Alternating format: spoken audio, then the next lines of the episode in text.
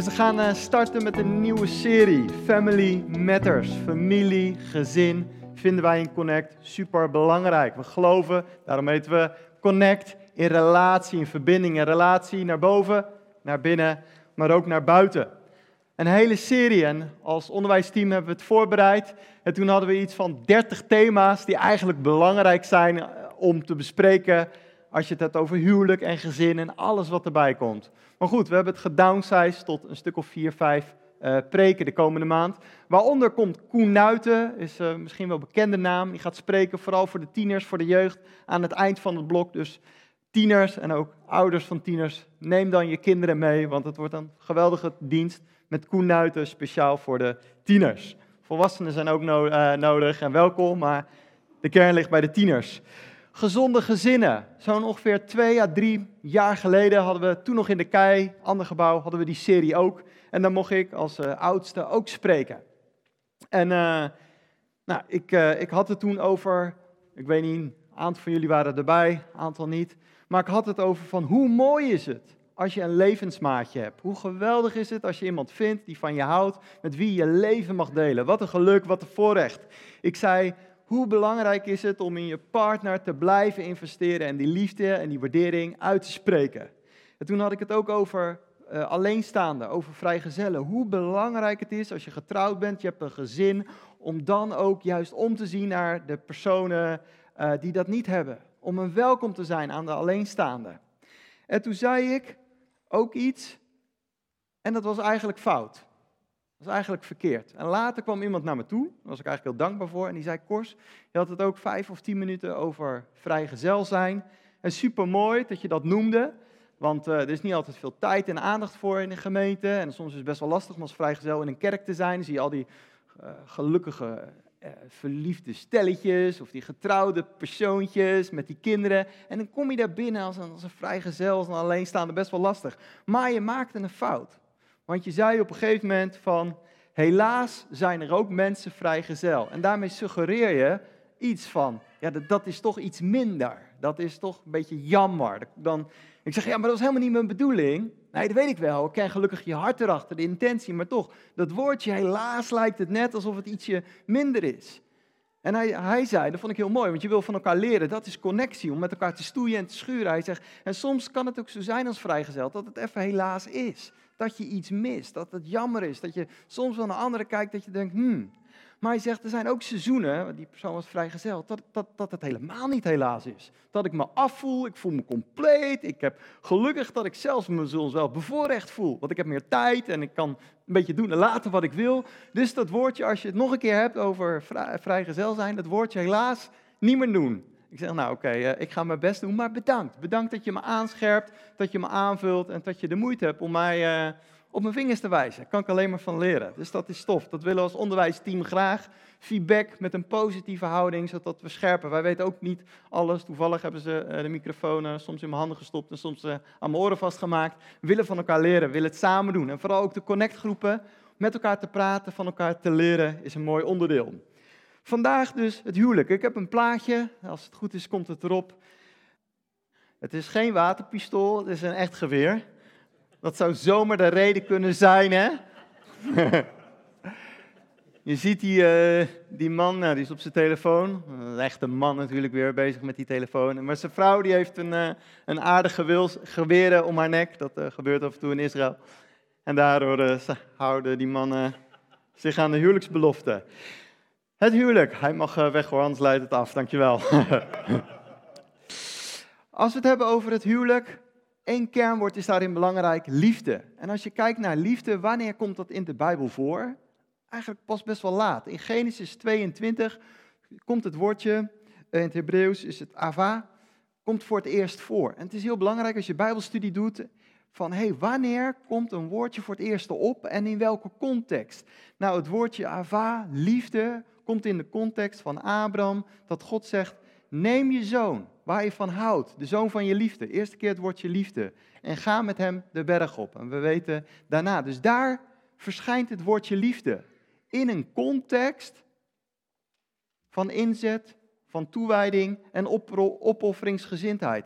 Wat bijzonder, dat woordje liefde wat voor het eerst verschijnt, een vader die zijn zoon gaat offeren. Nou, als je kijkt naar het Nieuwe Testament, is dat de kern. Liefde in de context van opofferende liefde. Maar daarin verschijnt voor het eerst het woordje liefde.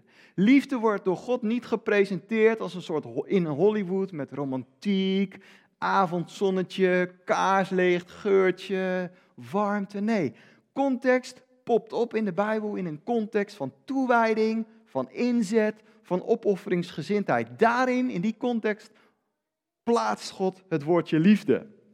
En liefde, binnen een huwelijk is het zo dat je een, huwelijk eigenlijk niet sluit. Hè? Dan gaan we naar het gemeentehuis of zo en sluiten we een huwelijk. Nee, je opent het. Het begint. Een liefdesrelatie om het beste naar elkaar naar boven te halen. Om elkaar te zegenen, elkaar tot volle recht te laten komen. En dan is het zo dat in die relatie het niet is van geven en nemen. Nee, het is geven en ontvangen. Je gaat die ander niet eh, manipuleren of chanteren of, of dreigen. Nee, het is geven en nemen. De Bijbel zegt in Spreuk 31 hè, van wie een vrouw heeft gevonden, een partner heeft gevonden. Ja, het gaat het goud, koralen, diamanten ver te boven. Dat is hoe God kijkt naar de waarde van een partnerrelatie. En als je kijkt naar het woordje in het Hebreeuws huwelijk, dat is kudushin. Kudushin.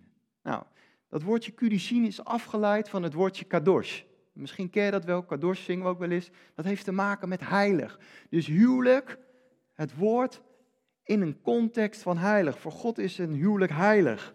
Wederzijdse toewijding om het beste naar boven te halen bij elkaar. Kijk, en het is een verbond. Dat betekent in, in goede en slechte tijden, in voor- en tegenspoed. In de seizoenen van winter, van herfst, maar ook in de seizoenen van lente en zomer. Je blijft elkaar trouw en je blijft inzet hebben. Het is geen contract. Kijk, bij een contract, bijvoorbeeld bij een telefoonprovider, dan ga je zo'n contractje en dan zeg je, nou, we gaan het een half jaar of een jaar en dan als het, als het goed gaat en het is goedkoop, ja, dan verlengen we het en anders niet. Ja? Nou, zo is het in een huwelijk niet.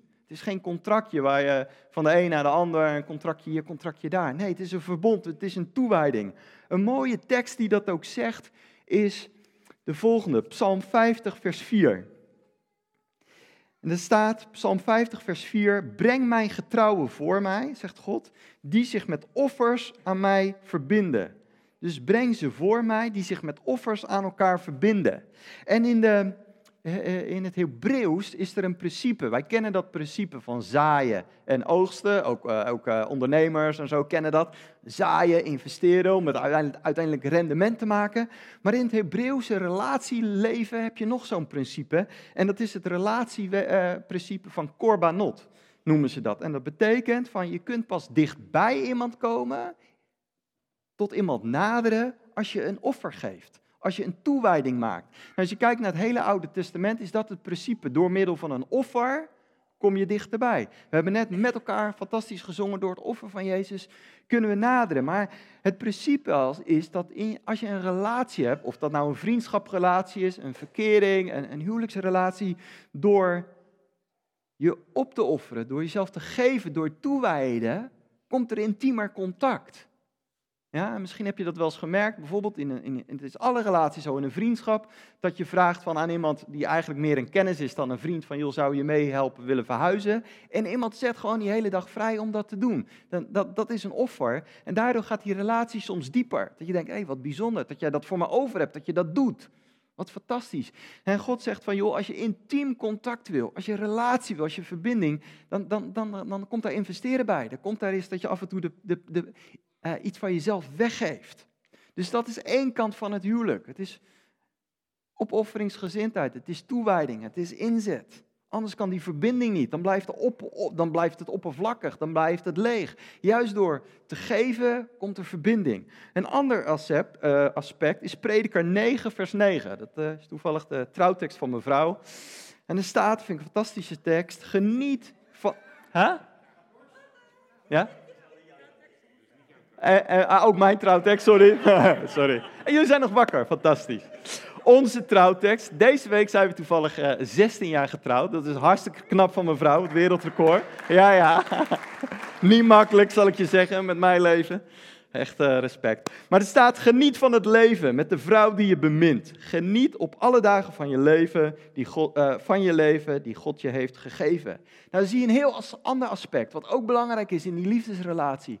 Plezier, genieten, gezelligheid, lol. Warmte, dat is ook die kant van God. Het is niet het een of het ander. Als ik zou zeggen tegen je van, joh, welk been van jou zullen we amputeren, links of rechts? Dan zeg je, nee, nee, nee, want ik heb alle twee nodig. Nou, voor een huwelijksrelatie, voor een liefdesrelatie, alle twee zijn nodig. Ook die andere. Dat er plezier is, dat er waardering is, dat er lol is, dat er gezelligheid is. Ja? Dus dat is belangrijk gaan we naar het Nieuwe Testament. Het zegt ook heel veel over het huwelijk. Dan gaan we naar een gedeelte uit Efeze. Moet je je voorstellen, even wat achtergrond. De brief die Paulus, die was vrijgezel trouwens, en toch gaat hij het over het huwelijk hebben, dan, eh, dan heb je lef hè. Maar Paulus schrijft dat aan de gasten, de gelovigen in Efeze. Nou, Efeze was in die tijd, kijk, er is iemand met me eens, mooi. Die, in die tijd was Efeze, echt een grote wereldstad, een havenstad. Allemaal handelsroutes links en rechts. En het was een, een, chaos van mensen. Uh, uh, Grieken, Romeinen, uh, slaven, Joden. Het was echt een wereldstad. Ja? En in die, in, in die stad was er ook een hele grote tempel voor de godin Artemis. Een van de zeven wereldwonderen. Misschien wel eens gezien die tempel. En die godin, Denk maar aan die link van de god van Astarte in het Oude Testament had te maken met jacht, maar ook met vruchtbaarheid, met erotiek, met, met romantiek. En heel die stad was eigenlijk geladen met seksualiteit. Een soort de wallen, maar dan honderd keer groter in Efeze. Het lijkt absoluut niet op Ede, ja? Even uit je, het is echt een wereldstad met eigenlijk op elke hoek een bordeel en een tempel en afgoderij erotiek, bordelen, seksualiteit. De hoge bazen die veel geld en macht hadden, de, de bazen van die havens, die hadden seksslaven in huis. En in die context schrijft Paulus de brief van Efeze. Een brief over relaties, over trouw, over toewijding en inzet. Fantastisch. Precies tegen de cultuur in. En dan zegt hij eerst in Efeze 4, vers 18 het volgende. We duiken erin Eigenlijk moet je heel die brief in de context lezen, van begin tot het eind. Fantastische opbouw, met heel veel dynamieken. Ik hou van de brief Efeze. Maar er staat er in vers 18, drink niet te veel wijn, want daardoor verliest u de controle over uzelf. Wees daarin tegen, vol van de Heilige Geest. Spreek veel met elkaar over de, hing, over de Heer. Zing psalmen, lofliederen en geestelijke liederen. Zing met uw hele hart voor de Heer. Dank God, onze Vader, altijd voor alles altijd, altijd voor alles in de naam van onze Heer Jezus Christus. En dan komt het. Onderwerp u aan elkaar uit ontzag voor Christus. Vrouwen, voeg u naar uw man, net zoals u zich voegt naar de Heer. De man leidt zijn vrouw, zoals Christus zijn gemeente leidt. Hij gaf zijn leven om haar te redden eigenlijk bijzonder dat Paulus, voordat hij dat aan, over het huwelijk gaat hebben, eigenlijk eerst nog even begint over de Heilige Geest en aanbidding. En ik denk dat het niet voor niks is, dat hij bijna, en dat vul ik een beetje in, hè, maar je mag er anders over denken, even goede vrienden, maar ik vul het zo in dat Paulus zegt, joh, voordat ik het ga hebben over het huwelijk en hoe belangrijk en hoe het hoort, even nog wees vol van de Heilige Geest. Zing en prijs God. Dat hij de kracht van aanbidding, waar we vaker in deze gemeente over gesproken hebben, nog even benoemt. Hij zegt, joh, als je dit wil, wil, wil naleven, als je hierin wil leven, zorg dat je vol bent met de Heilige Geest. Door wat? Nou, verschillende, verschillende manieren. Maar een van die manieren is God loven, God prijzen en aan elkaar vertellen wat God doet. En dan begint hij over dat huwelijk. En dan zegt hij eigenlijk een fundament, een grote kapstok, voordat hij het verder uit uh, uitkristalliseert, dan zegt hij het volgende. Dan zegt hij van onderwerp u aan elkaar uit ontzag voor Christus. Nou, ontzag voor Christus, daar begint hij mee, ontzag voor Jezus. En we hebben denk ik afgelopen jaren best wel veel mogen leren als Connect Kerk van dat ontzag van God is belangrijk. Maar het is niet gebaseerd op angst. Als je daarin gaat, dan ga je de verkeerde kant op. Nee, het is gebaseerd op bewondering. We bewonderen God wie hij is, zijn liefde, zijn goedheid, zijn vrede. En daarom hebben we ontzag, omdat hij toch wel een stukje anders is dan jij en ik samen, toch? We hebben ontzag voor God. En daarom, omdat we ontzag voor God hebben, um, zijn we onderworpen aan elkaar. Nou, ik ben Nederlander, postmodern. Wat nou? Onderwerping. Uh, hoe zit dat? Beetje autoriteitsprobleempje hebben als Nederlander, toch? Dat kriebelt en schuurt. En in het Grieks staat het woordje voor onderwerping. Dat heb ik gewoon opgezocht hoor, zo intelligent ben ik helemaal niet. Hypotazo. In Nederlands vertaald, in mij, hupsakee. Maar dat hypotazo, dat hupsakee, is eigenlijk een militaire term. Van joh, je doet gewoon wat nodig is. Onderwerping heeft te maken met gewoon uitvoeren wat er gevraagd wordt. Dus dat is een ene kant van onderwerping. Je geeft uh, en je, je, je, je levert wat gewoon nodig is. Aan de andere kant heeft de onderwerping, heeft dat woord heeft ook een ontwikkeling gehad. In het begin was het alleen een militaire uh, mindset. Dus ja, als iemand het woordje hupazo hoorde, dan wist hij, oh, dat, dat is gewoon een bevel. Maar langzaam is dat, dat woord eigenlijk ook geëvolutioneerd voor meer vanuit relatie, vanuit verbinding, vanuit contact. Uh, het met elkaar eens zijn om in actie te komen. Nou, dat spreekt de postmoderne Nederlander van mij wel meer aan. Ja? Want God heeft je als een partner geschonken en dat is Gods geschenk aan jou. Om elkaar te helpen, om naar elkaar om te zien, om elkaar te zegenen. En als dan de positie en de rol en de verantwoordelijkheid van de man wordt genoemd, dat is niet dat de man het hoofd is in die zin van de man gaat lekker heersen en hij bepaalt. Hij is de directeur, president, generaal van het huwelijk. Nee, zo zet Paulus het absoluut niet neer van dat de man de baas is. Nee, absoluut niet. Dat was niet de intentie van Paulus. Maar het is ook niet de intentie dat, dat, dat God en eigenlijk zegt van joh, de man is in het huwelijk, ja, is eigenlijk maar een slaafje, verdient het geld en, en, en dat, daar houdt het mee op. En die heeft voor de rest niks te zeggen. Ja? Dat de vrouw altijd de broek aan heeft en dat de man er maar achteraan sukkelt. Nee, God zegt, man, pak je plaats die ik heb gegeven en leid in het huwelijk. En niet geven en nemen, maar geven en ontvangen, elkaar dienen en van elkaar genieten. En als de Bijbel dan zegt van vrouwen, voeg u naar uw man, dat betekent ook niet, denk ik, klakkeloze gehoorzaamheid. Dat je als vrouw maar onderdanig moet buigen in alles wat je man bedenkt en verzint. Nee, het is niet blindelings. Een vrouw heeft een mening, heeft een rol, mag haar ruimte in het huwelijk hebben. Het is niet zo dat je niet meetelt of niet uh, uh, partner mag zijn in die relatie. Hebt een hele cruciale rol. En als hij zegt voeg je naar de man, dan heeft dat alles te maken met aansluiten, afstemmen, verbinden. Zodat je als vrouw dingen kan loslaten, omdat je weet, er wordt goed voor me zorgd.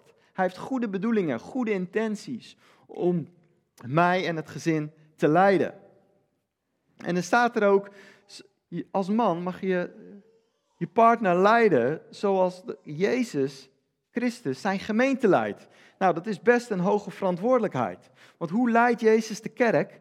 Met liefde, met wijsheid, met tact, met geduld, maar ook met kracht, met passie, met hartstocht.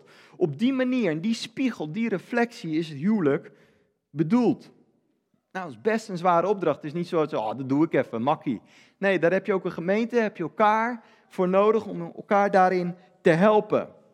En uh, ik geloof dat het huwelijk is een spiegelbeeld, dat zie je later in de tekst, van hoe Jezus en de gemeente met elkaar omgaan. En voor een man is dat een hele hoge taak, een hoge verantwoordelijkheid. Ik zou bijna zeggen, het is een zware plicht die op je schouders rust. Het doet me denken aan een verhaaltje. Er was een keertje een conferentie en er was een voorbereidingsteam. En er was echt een conferentie met, met heel veel leiders. Er waren heel veel leiders, internationale conferentie. En op een gegeven moment zei een van die gasten van... hey, die en die spreker, die heeft ook veel boeken en die heeft ook veel bereikt... en die heeft iets van zoveel honderden gemeentes. Is het niet leuk om hem ook uit te nodigen om te spreken op de conferentie over een bepaald thema? En toen zei iemand, die zei van ja, maar hoe, hoe is zijn karakter dan? En, en ik snap dat hij goed in, in, in, in dat en dat is, maar hoe is zijn karakter? En toen zei iemand, die zegt, ja, maar dat kan ik echt nog niet beoordelen, want ik heb zijn vrouw nog nooit ontmoet.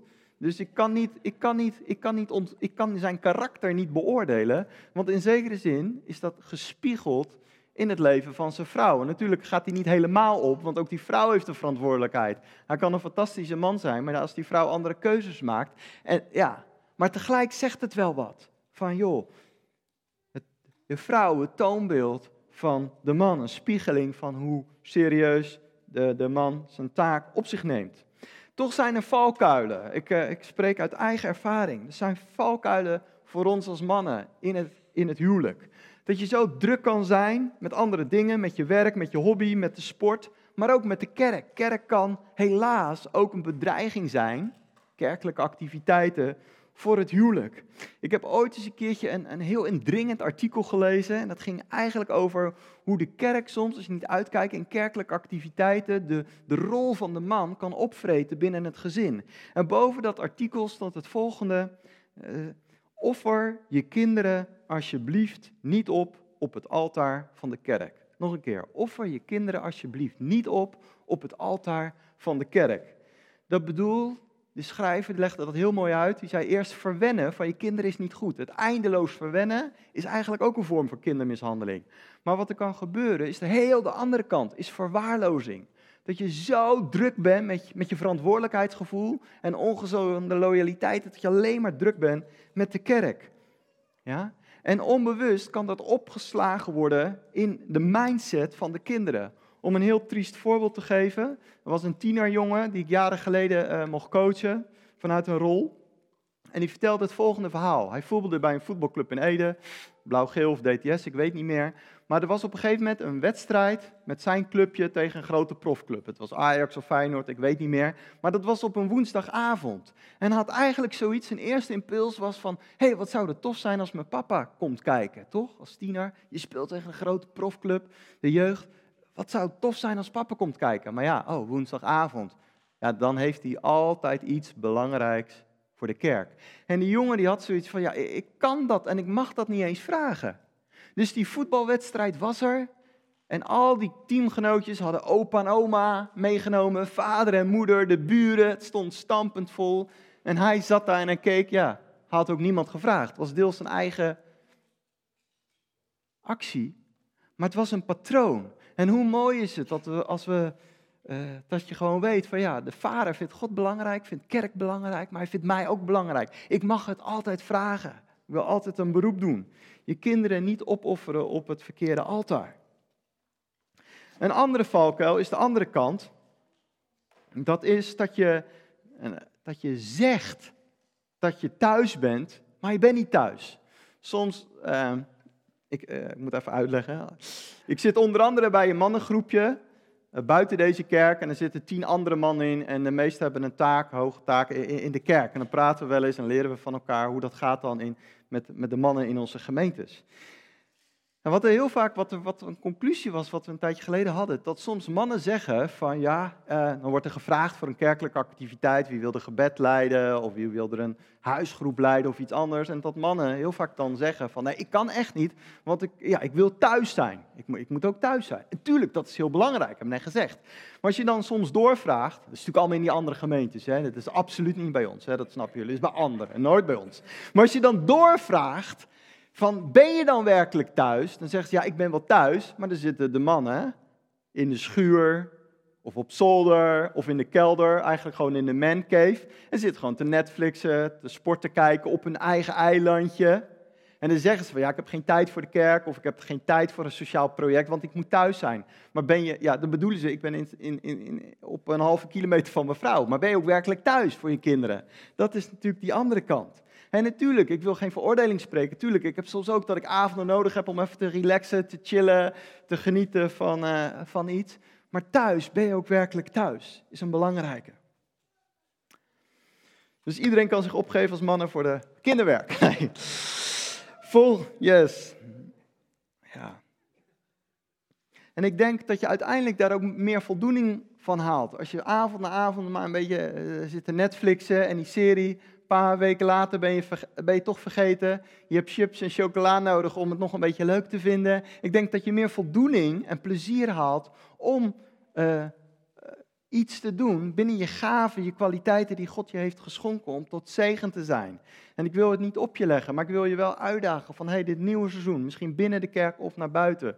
Mijn agenda, is dat vooral bepaald vanuit mijn eigen gevoel, wat relaxed en lekker en comfortabel is? Of heb je agenda gezegd van Heer, zoveel avonden, Welke avonden mag ik echt thuis zijn voor het gezin, voor mijn partner? En welke avonden mag ik besteden, zodat mijn kwaliteiten, mijn gaven tot zegen kunnen zijn binnen de kerk of buiten de kerk voor andere mensen? Praat echt niet alleen over kerkelijke activiteiten, maar een dienstbaarheid in het hart van Gods koninkrijk.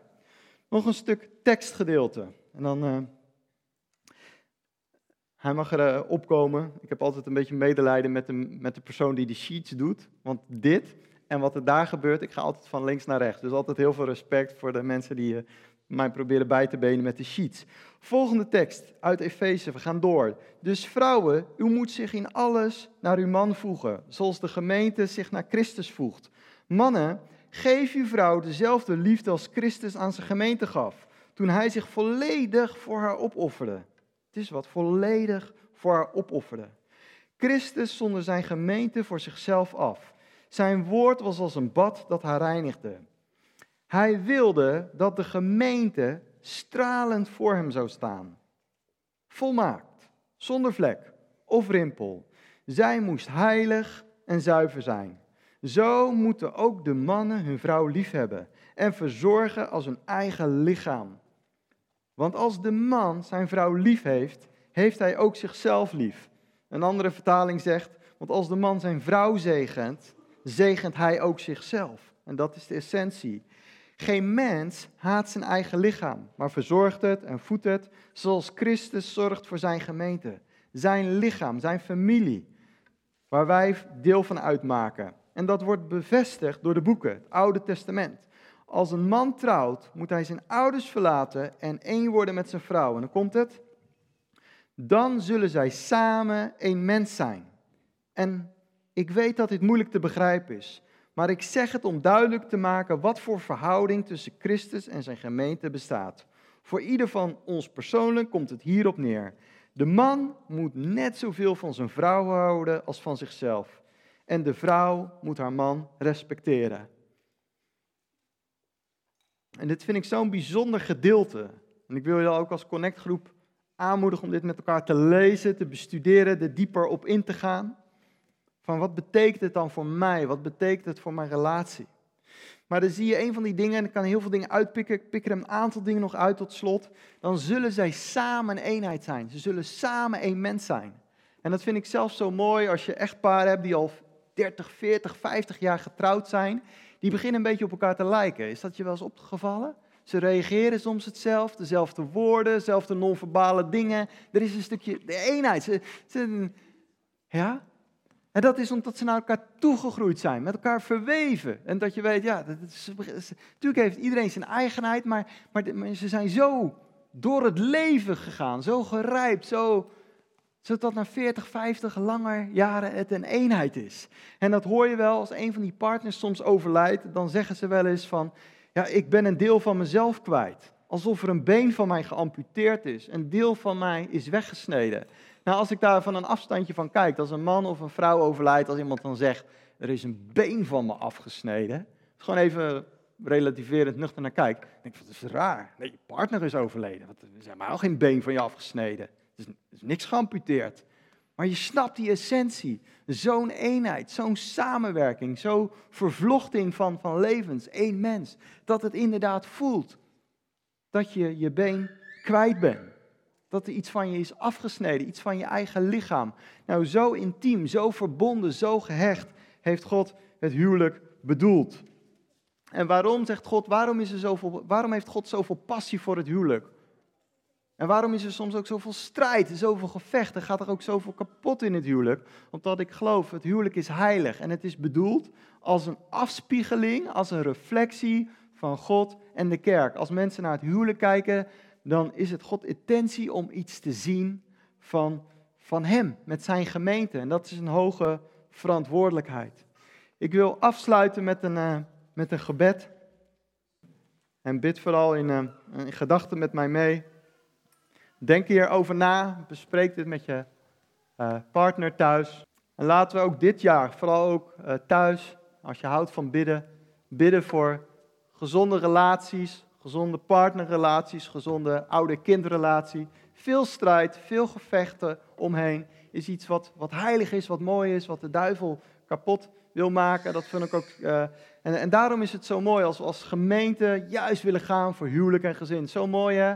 Het opdragen ja, van Cor en Dunja, van hun kind, van als teken van hé, hey, we willen dit geven aan God. We willen dat het kind een diepe relatie krijgt met God. Ik kan het niet alleen. Ik wil de zegen van God. We willen dit met elkaar, met familie, met vrienden. Zo mooi.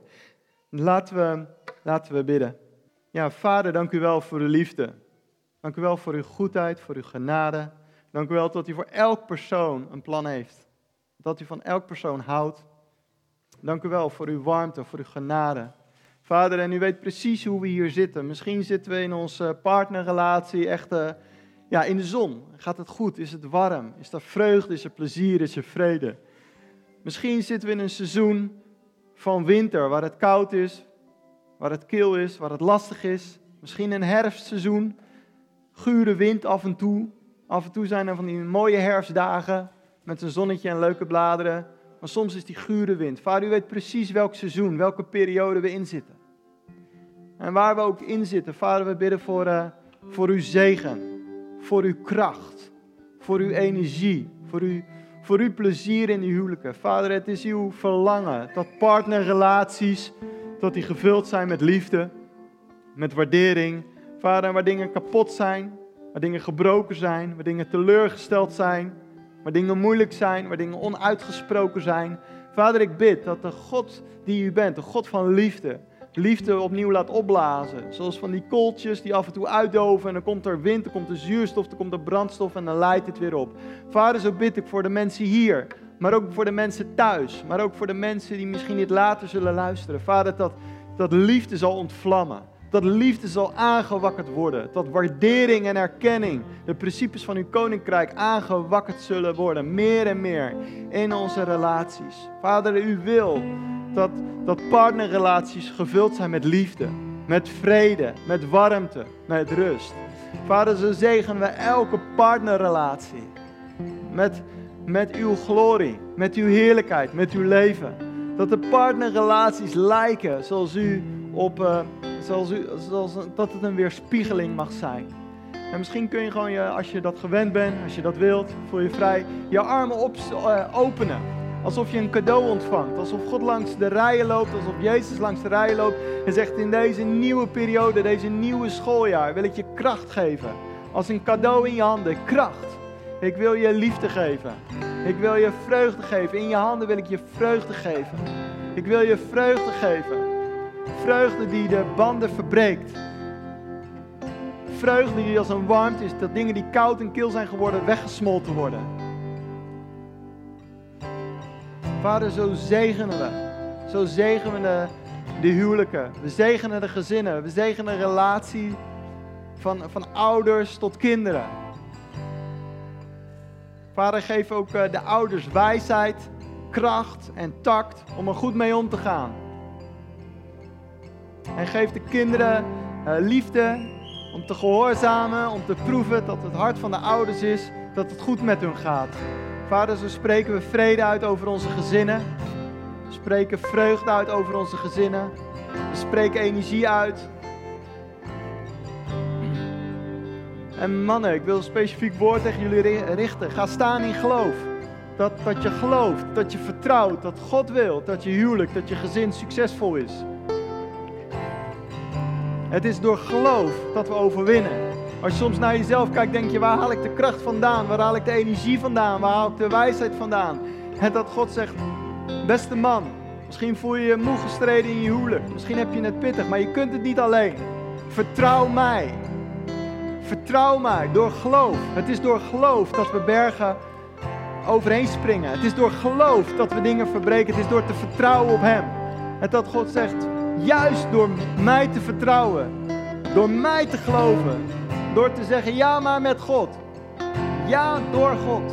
Ja met God aan mijn zijde. Dat drievoudig koord. Kan ik weer uit de dal. Kan ik uit die winterperiode komen. Zo wil ik jullie zegenen met de zegen van God. En ik voel dat God echt zegt van... Beste man, beste vrouw, ik wil dat je partnerrelatie succesvol is. Dat er leven stroomt, dat er vrede is, dat er vreugde is, dat er zegen is. God wil dit geven. God is een overvloedige God. Een overvloedige God. En nodig hem uit. Verwelkom hem opnieuw. Zeg opnieuw tegen hem, Heer, u bent welkom in mijn huwelijk. U bent welkom in mijn gezin. We willen niet zonder u. We willen niet zonder u. Wees welkom, wees de Heer van ons huis. Wees de Heer van ons huis. Ons huis, we zullen samen de Heer dienen en een troon voor hem bouwen. Zo zegenen we de, de gezinnen, we zegenen de huwelijken. In Jezus' naam. Amen.